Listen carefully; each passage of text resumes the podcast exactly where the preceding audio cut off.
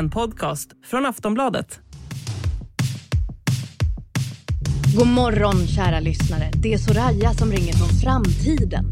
Klockan är 08.00 måndag den 12 september 2022 och vi vaknar upp några timmar efter att resultatet från riksdagsvalet har kommit in.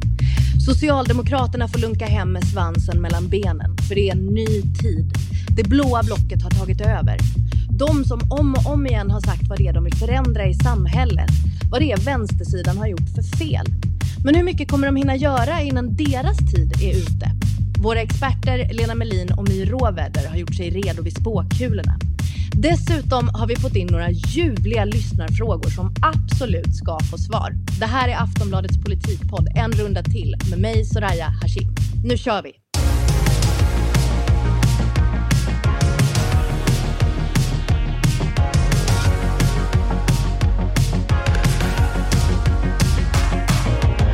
Lena och My, välkomna in i framtiden. Oh, tack. tack så mycket. Spännande att vara här. I framtiden är jag då lite förkyld så jag sitter hemma hela framtiden. Men vi ska börja med att lyssna på hur nyheterna låter om sju månader. Hej och välkomna ska ni vara till Aftonbladet TV. Idag så kan vi konstatera att Sverige får ett maktskifte. Nu är det klart att det blir det blå blocket som får klar majoritet. Landet kommer att ledas av Moderaterna och Kristdemokraterna med stöd av Liberalerna och Sverigedemokraterna. Och Ulf Kristersson, ja, han börjar arbetet direkt med att ta fram en regering. Så här lät Vi har alltså spolat fram tiden sju månader månader över våren och sommaren, över slask och solbrända ryggar, bad och myggbett och ni är tillbaka från semestern och nu är det dagen efter riksdagsvalet. Ni är trötta förstår jag? Ja, men lite uppspelta också. Lång natt. Ja, det var det. Den här natten så tog ju Moderaternas Ulf Kristersson hem hela valet och han är ju också trött efter att ha firat sin seger hela natten och Magdalena Andersson håller på att planera sin flytt ut ur Sagerska huset medan hon slickar sina sår efter nattens förlust. Det vi vet här och nu är att Moderaterna ska få bilda regering med Kristdemokraterna och att de kommer få stöd av Liberalerna och Sverigedemokraterna.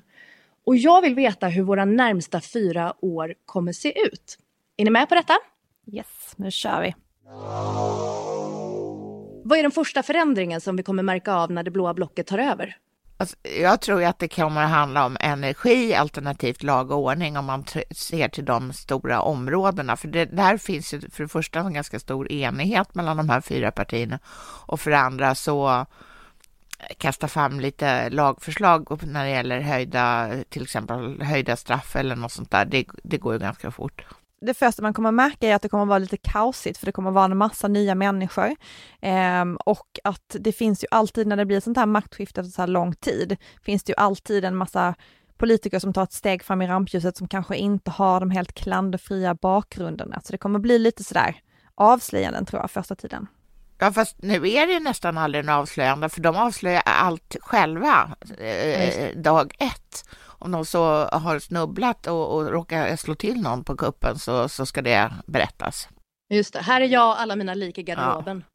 Men, men jag tänkte om vi går in på det som du var inne på, eh, Lena. Eh, deras största hit då, frågan om lag och ordning. Moderaterna vill ha 10 000 fler poliser till 2024. De vill dubbla straff för gängkriminella och de vill tillåta anonyma vittnen.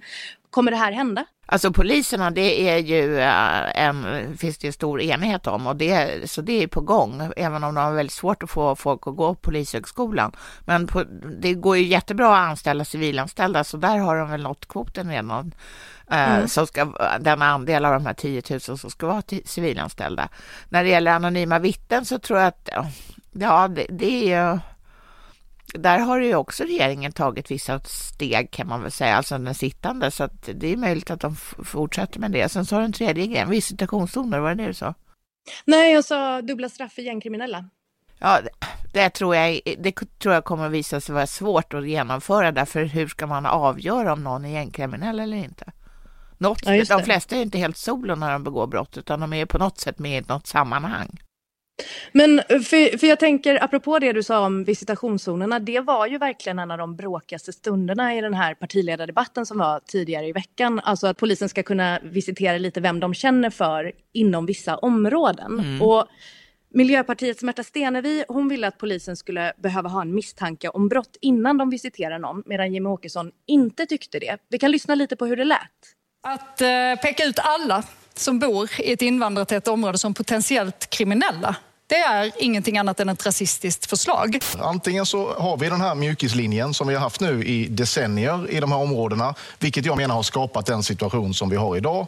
Eller så tar vi tag i det. Vi tar tillbaka kontrollen över de här områdena. Det kommer att totalt rasera alla möjligheter de barnen Tack, har Jimmy Åkesson. Det kommer att göra att laglydiga människor som finns i de här områdena får ytterligare skäl att kunna känna sig lite tryggare.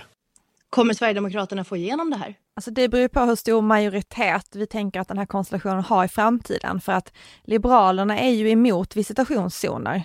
Det är en sån mm. där fråga som splittrar Liberalerna, de har ju flera stycken. De har ju också sagt nej till det här med anonyma vittnen. Så att det beror ju på liksom, hur stor Alltså hur ser, ser kärnan i det här regeringsalternativet ut och behöver man ha Liberalerna för att få igenom det genom riksdagen? För då kommer det kanske bli svårare. Ja, sen finns det ytterligare ett hinder, det är att polisen inte längre vill ha de här visitationszonerna. Det var de som kastade fram det från början och nu har, nu har de kommit på att nej, det där blir inget bra alls, så de, de eh, har så att säga steppat ner som vapendragare för vis, visitationszoner och hävdar istället att det är typ kontraproduktivt därför att folk i de här eh, områdena då som eh, skulle bli så negativt inställda till polisen, de skulle inte få några tjallare. Aha, okej, okay. så utöver det Märta Stenevi sa där om att man kanske tappar förtroendet så får man inte heller några, några golare? Nej, och det, och det, är det som, jag menar, därför de vill ha stort förtroende, för de vill att folk ska komma och berätta saker för dem. Ja, just det vad jag hör att ni har sagt hittills är då liksom att fler poliser kommer inte vara något problem. Eh, dubbla straff låter krångligt för att man vet inte riktigt. Alltså dubbla straff för gängkriminella kan vara krångligt för att man vet inte riktigt vem som är gängkriminell. Och anonyma vittnen är det lite konflikt och kanske inte heller visitationszoner. Nej, men man kan väl förvänta sig som vanligt att det blir en rad utredningar här för att försöka ta det liksom vidare och att jag tänker just med det här med eh, anonyma vittnen, att det kanske ändå kommer komma något slags utvattnat lagförslag, för det finns ju i våra grannländer till exempel och där har det väl visat sig ha begränsad effekt och det är väldigt få människor som liksom eh, som, eh, som, det är väldigt sällan som det används, så att någon slags mm. utvattnat förslag som alla kan komma med, med, på i efterhand efter en utredning, det kanske man kan förvänta sig. Men det är ju ingenting man kommer märka av direkt, det tar tid. Det är inte så att någon knäpper på fingrarna så, läggs, så, eh, trollar, så kommer det fram en, en proposition ur hatten och sen, och sen så tre veckor senare så klubbar riksdagen beslutet, så går det inte till. Men man tänker ju ändå att de skulle vara redo, de har ju haft lite tid på sig. Ja, men de har inte något regeringskansli som sitter och skriver propositionen. Det gör de, har de inte. Så bara snabbt då, av de här sakerna som vi har räknat upp, fler poliser, dubbla straff för gängkriminella, anonyma vittnen, visitationszoner, vad hinner de göra inom en mandatperiod? Alltså rent teoretiskt kan de ju göra allt det där. Ja. Om de, de ska bara få stöd. Precis. Ja, och också viljan, det vet man inte riktigt om. viljan kan ändra sig. Nästa fråga är ju den heta potatisen migrationen. Finns det någon som helst konflikt mellan de blåa partierna om huruvida vi ska vara mer öppna eller stängda för invandring? Nej. Nej, alla vill stänga igen lite grann. Ja, ja. på den sidan mm. ja. Så hur snabbt kommer vi dra upp vindryggan över vallgraven? Alltså den är redan uppdragen tänker jag. Det här är ju ändå ganska stor enighet eh, över liksom block, alltså även om det är en röd eller en socialdemokratisk ledd regering eller en moderatledd regering så är man överens om att man behöver strama åt invandringen. Mm. Eller att den är åtstramad och att det är bra. En annan sak som ni har nämnt någon gång är ju det här med att Sverigedemokraterna vill ha någon slags återvandringsmyndighet. Hur tänker de att det ska funka? Gissa vilket annat land som har en återvandringsmyndighet? Är det Ungern? Mm. Nej. Danmark. Danmark! Oh! Såklart. Hemresestyrelsen. Det är ett ganska hett namn ändå. Uff, det låter ju som rätt ur en sci-fi bok. Ja men det är ju för att Sverigedemokraterna vill ju ha ett mycket mer aktivt sätt att få människor att flytta tillbaka till sina ursprungsländer. Alltså att det ska handla om uppsökande verksamhet och att man ska få mer pengar. Alltså det finns redan återvandringsbidrag för människor då som återvandrar och det gör människor redan idag. Men SDs mål är ju att det ska bli liksom ett minus på invandringen just genom återvandringen. Eh, och uh -huh. att man ska liksom få starka incitament genom att man liksom ska söka upp människor. Man, den här myndigheten i Danmark till exempel, så är det den här myndigheten som ser till att människor som fått avslag verkligen reser tillbaka. Den är liksom en, en uh, utförande myndighet på det. Så hur sannolikt är det att det här blir av då nu när vi har en ny regering? Det här är ju bara SD som vill det här, så det här handlar väl mer om om man behöver sockra dem på något sätt och ge dem någonting mm. eh, för antingen stöd eh, eller liksom att få igenom någon annan politisk reform som de inte är lika pigga på. Så att eh, ja, men jag skulle säga att det skulle kunna, absolut, eh, kanske inte myndigheten, men framförallt att man satsar på återvandringen på olika sätt. Alltså, Sverigedemokraterna brukar inte gilla byråkrati, eller säger i alla fall att de inte gör det. Och det var, då tycker jag att eh, ett steg på vägen är att inte inrätta ytterligare en myndighet. Men, men för det här skulle man ju kunna tänka sig att det blev en uppgift för Migrationsverket. Jag undrar även om eh, säsongens mesta it-girl, nämligen kärnkraften. Alla fyra partierna vill utveckla och satsa på kärnkraften. Här lär det ju inte bråkas särskilt mycket. Det är väl bara att sätta igång och börja bygga 100 000 nya kärnkraftverk. Om man känner för det. Men, men samtidigt så tar ju det här med kärnkraft tid. Eh, så vad är det de kommer hinna förändra under en mandatperiod? Alltså dels måste ju lagstiftningen förändras om man verkligen vill ha mera kärnkraft. Därför att den nuvarande lagstiftningen säger ju att ett, man får inte satsa, eh, alltså starta kärnkraftverk som har, blivit, som har drivits för kommersiellt bruk igen, om man väl mm. har stängt av dem en gång. Sen så säger den också att man bara får uppföra ny kärnkraft på de ställen där det redan finns. Och det är då på tre ställen i Sverige, det är Ringhals, Forsmark och, och eh, Oskarshamn. Så en, en lagförändring krävs i så fall. Eh, och det tar ju tid.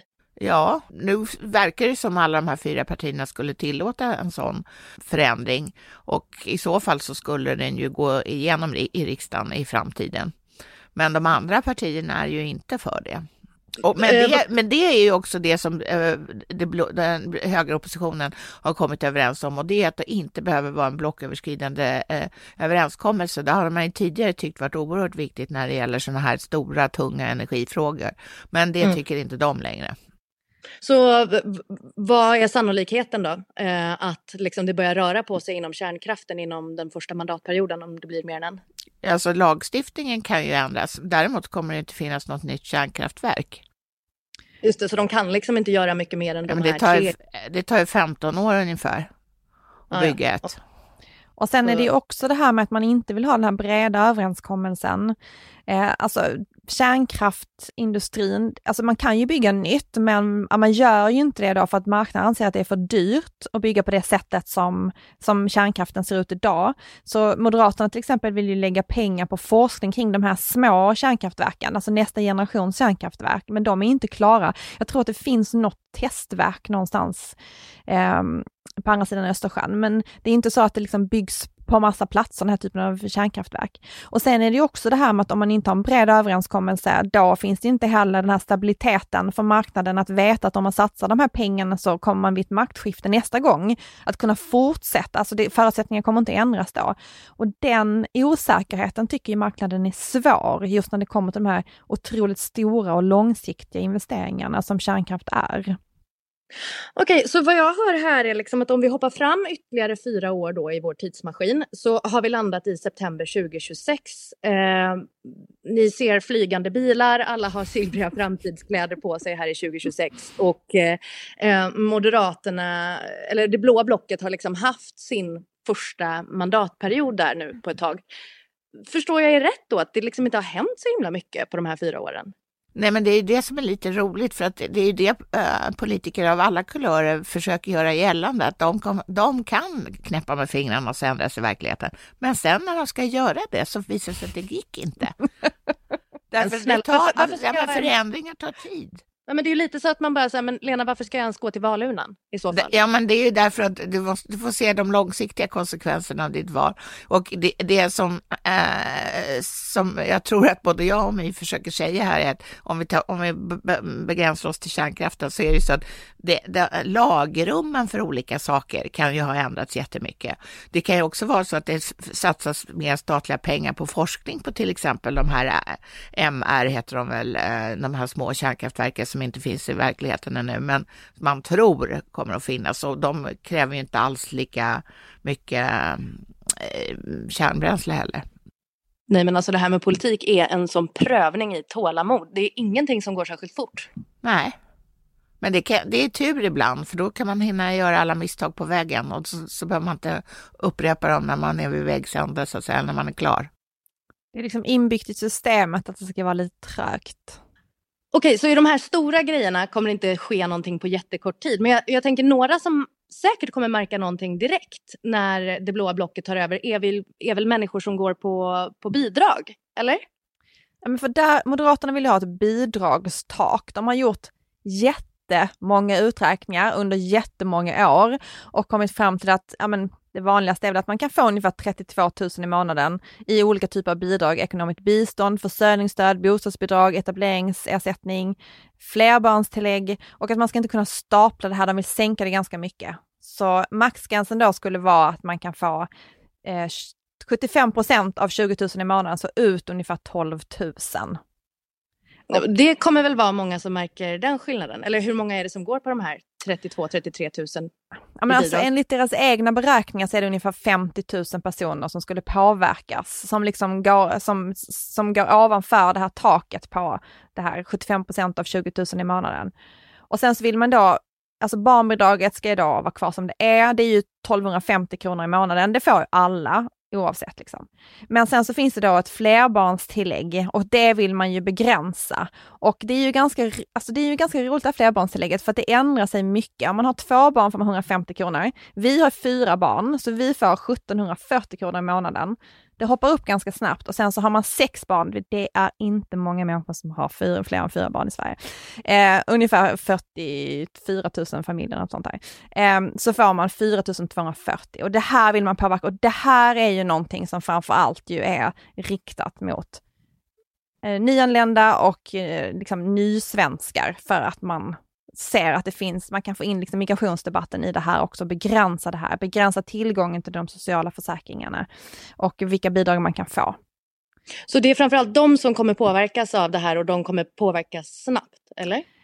Alltså det är inte bara dem, men en del av det, liksom etableringsersättningen är ju någonting man vill dra ner på då, för det här bidragstaket och det är det man får om man är nyanländ. Är det samma med sjukskrivna, arbetslösa? Alltså de Nej, alltså jag tror att där brände sig samtliga allianspartier ordentligt om fingrarna mm. uh, under, under allianstiden, därför att då gick de ju ut väldigt snabbt med att sänka både a-kassan och sjuk, eh, ersättningen i sjukförsäkringen. Eller mm. ersättningen i sjukförsäkringen eh, sänktes inte, men den förkortades så att säga. Och det där var ju Eh, det, det fick jag dem mycket, mycket badwill för och utmålades som hjärtlösa eh, ja, en hjärtlös hop. Och, mm. eh, så jag tror, där kom, jag tror faktiskt inte att de kommer ge sig på det i någon högre grad den här gången. Jag hänger av mig min, min silvriga kåpa och eh, blipploppspråket och ettorna och nollorna och så tar vi oss tillbaka till nutid.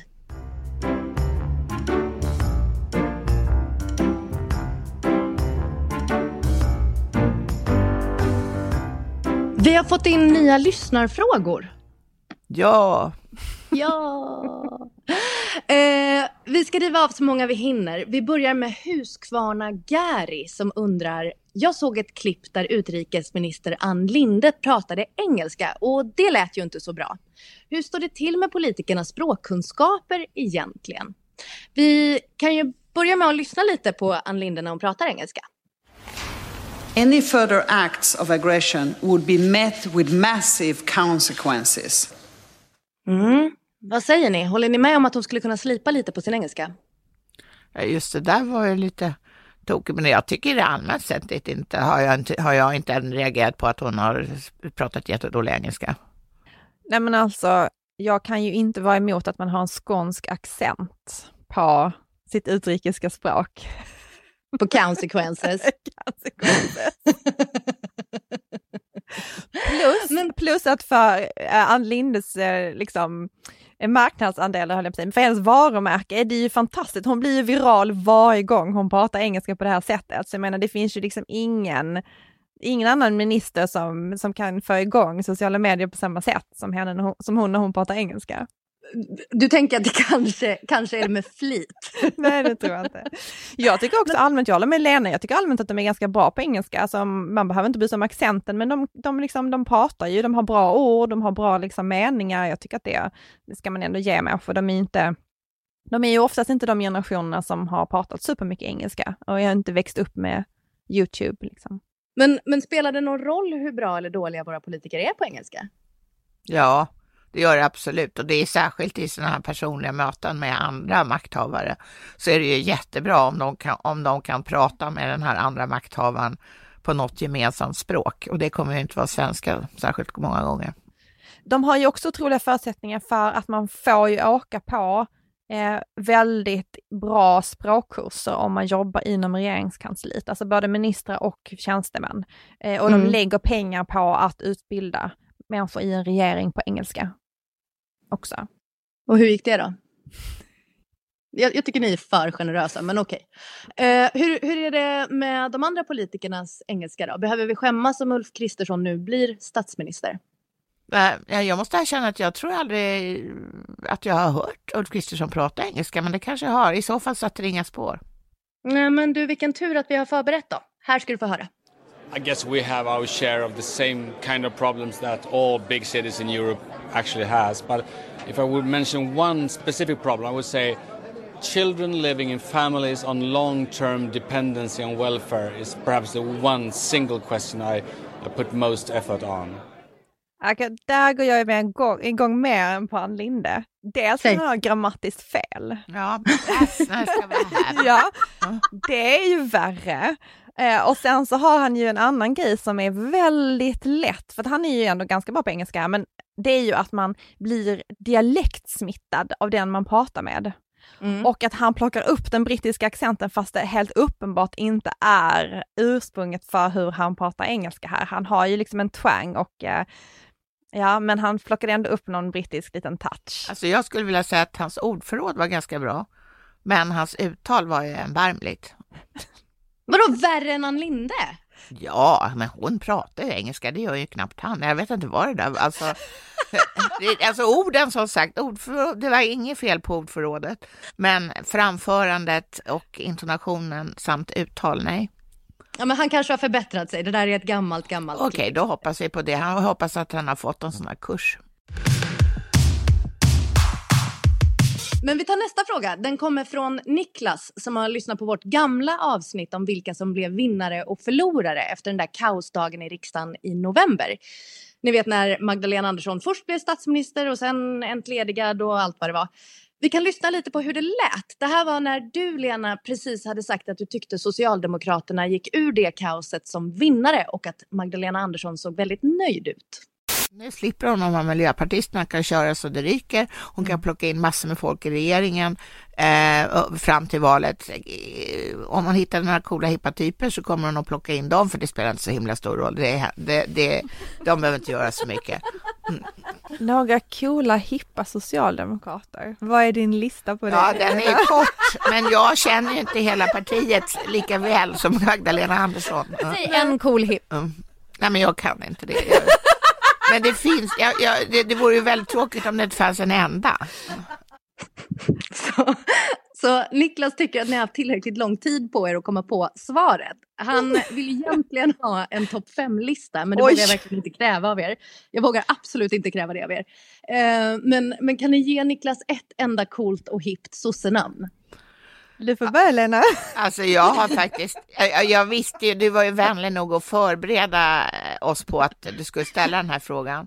Ja. Och, men det har tyvärr inte hjälpt, för trots liksom dagar av ältande så har jag inte kommit på en enda. Och den, det, den enda jag överhuvudtaget kommer att tänka på, och jag skulle inte säga att han eh, fyller kvalifikationen för att vara cool och hipp, men det var Filip Botström, den förre SSU-ordföranden. Men närmare än så kommer jag inte.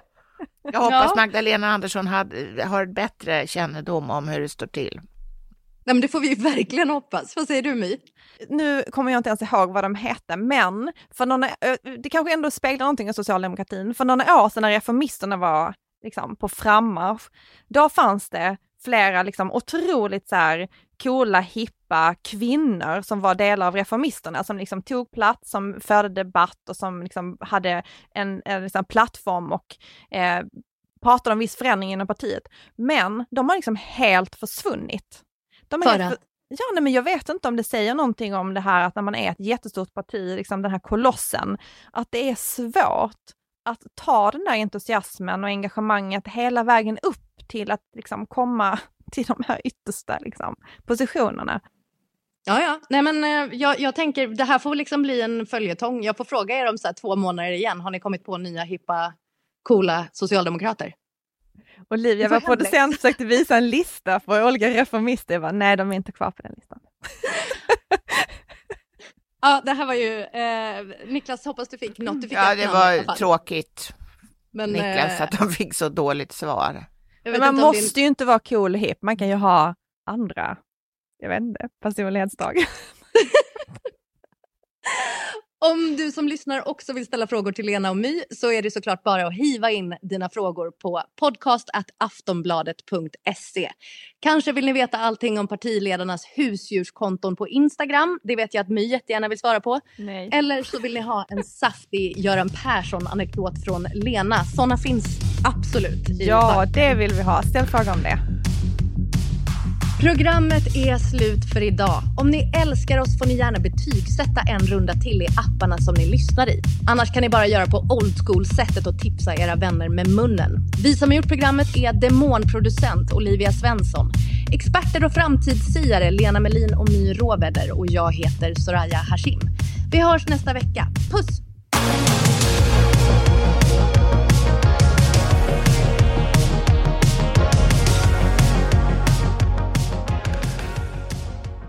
Du har lyssnat på en podcast från Aftonbladet. Ansvarig utgivare är Lena K Samuelsson.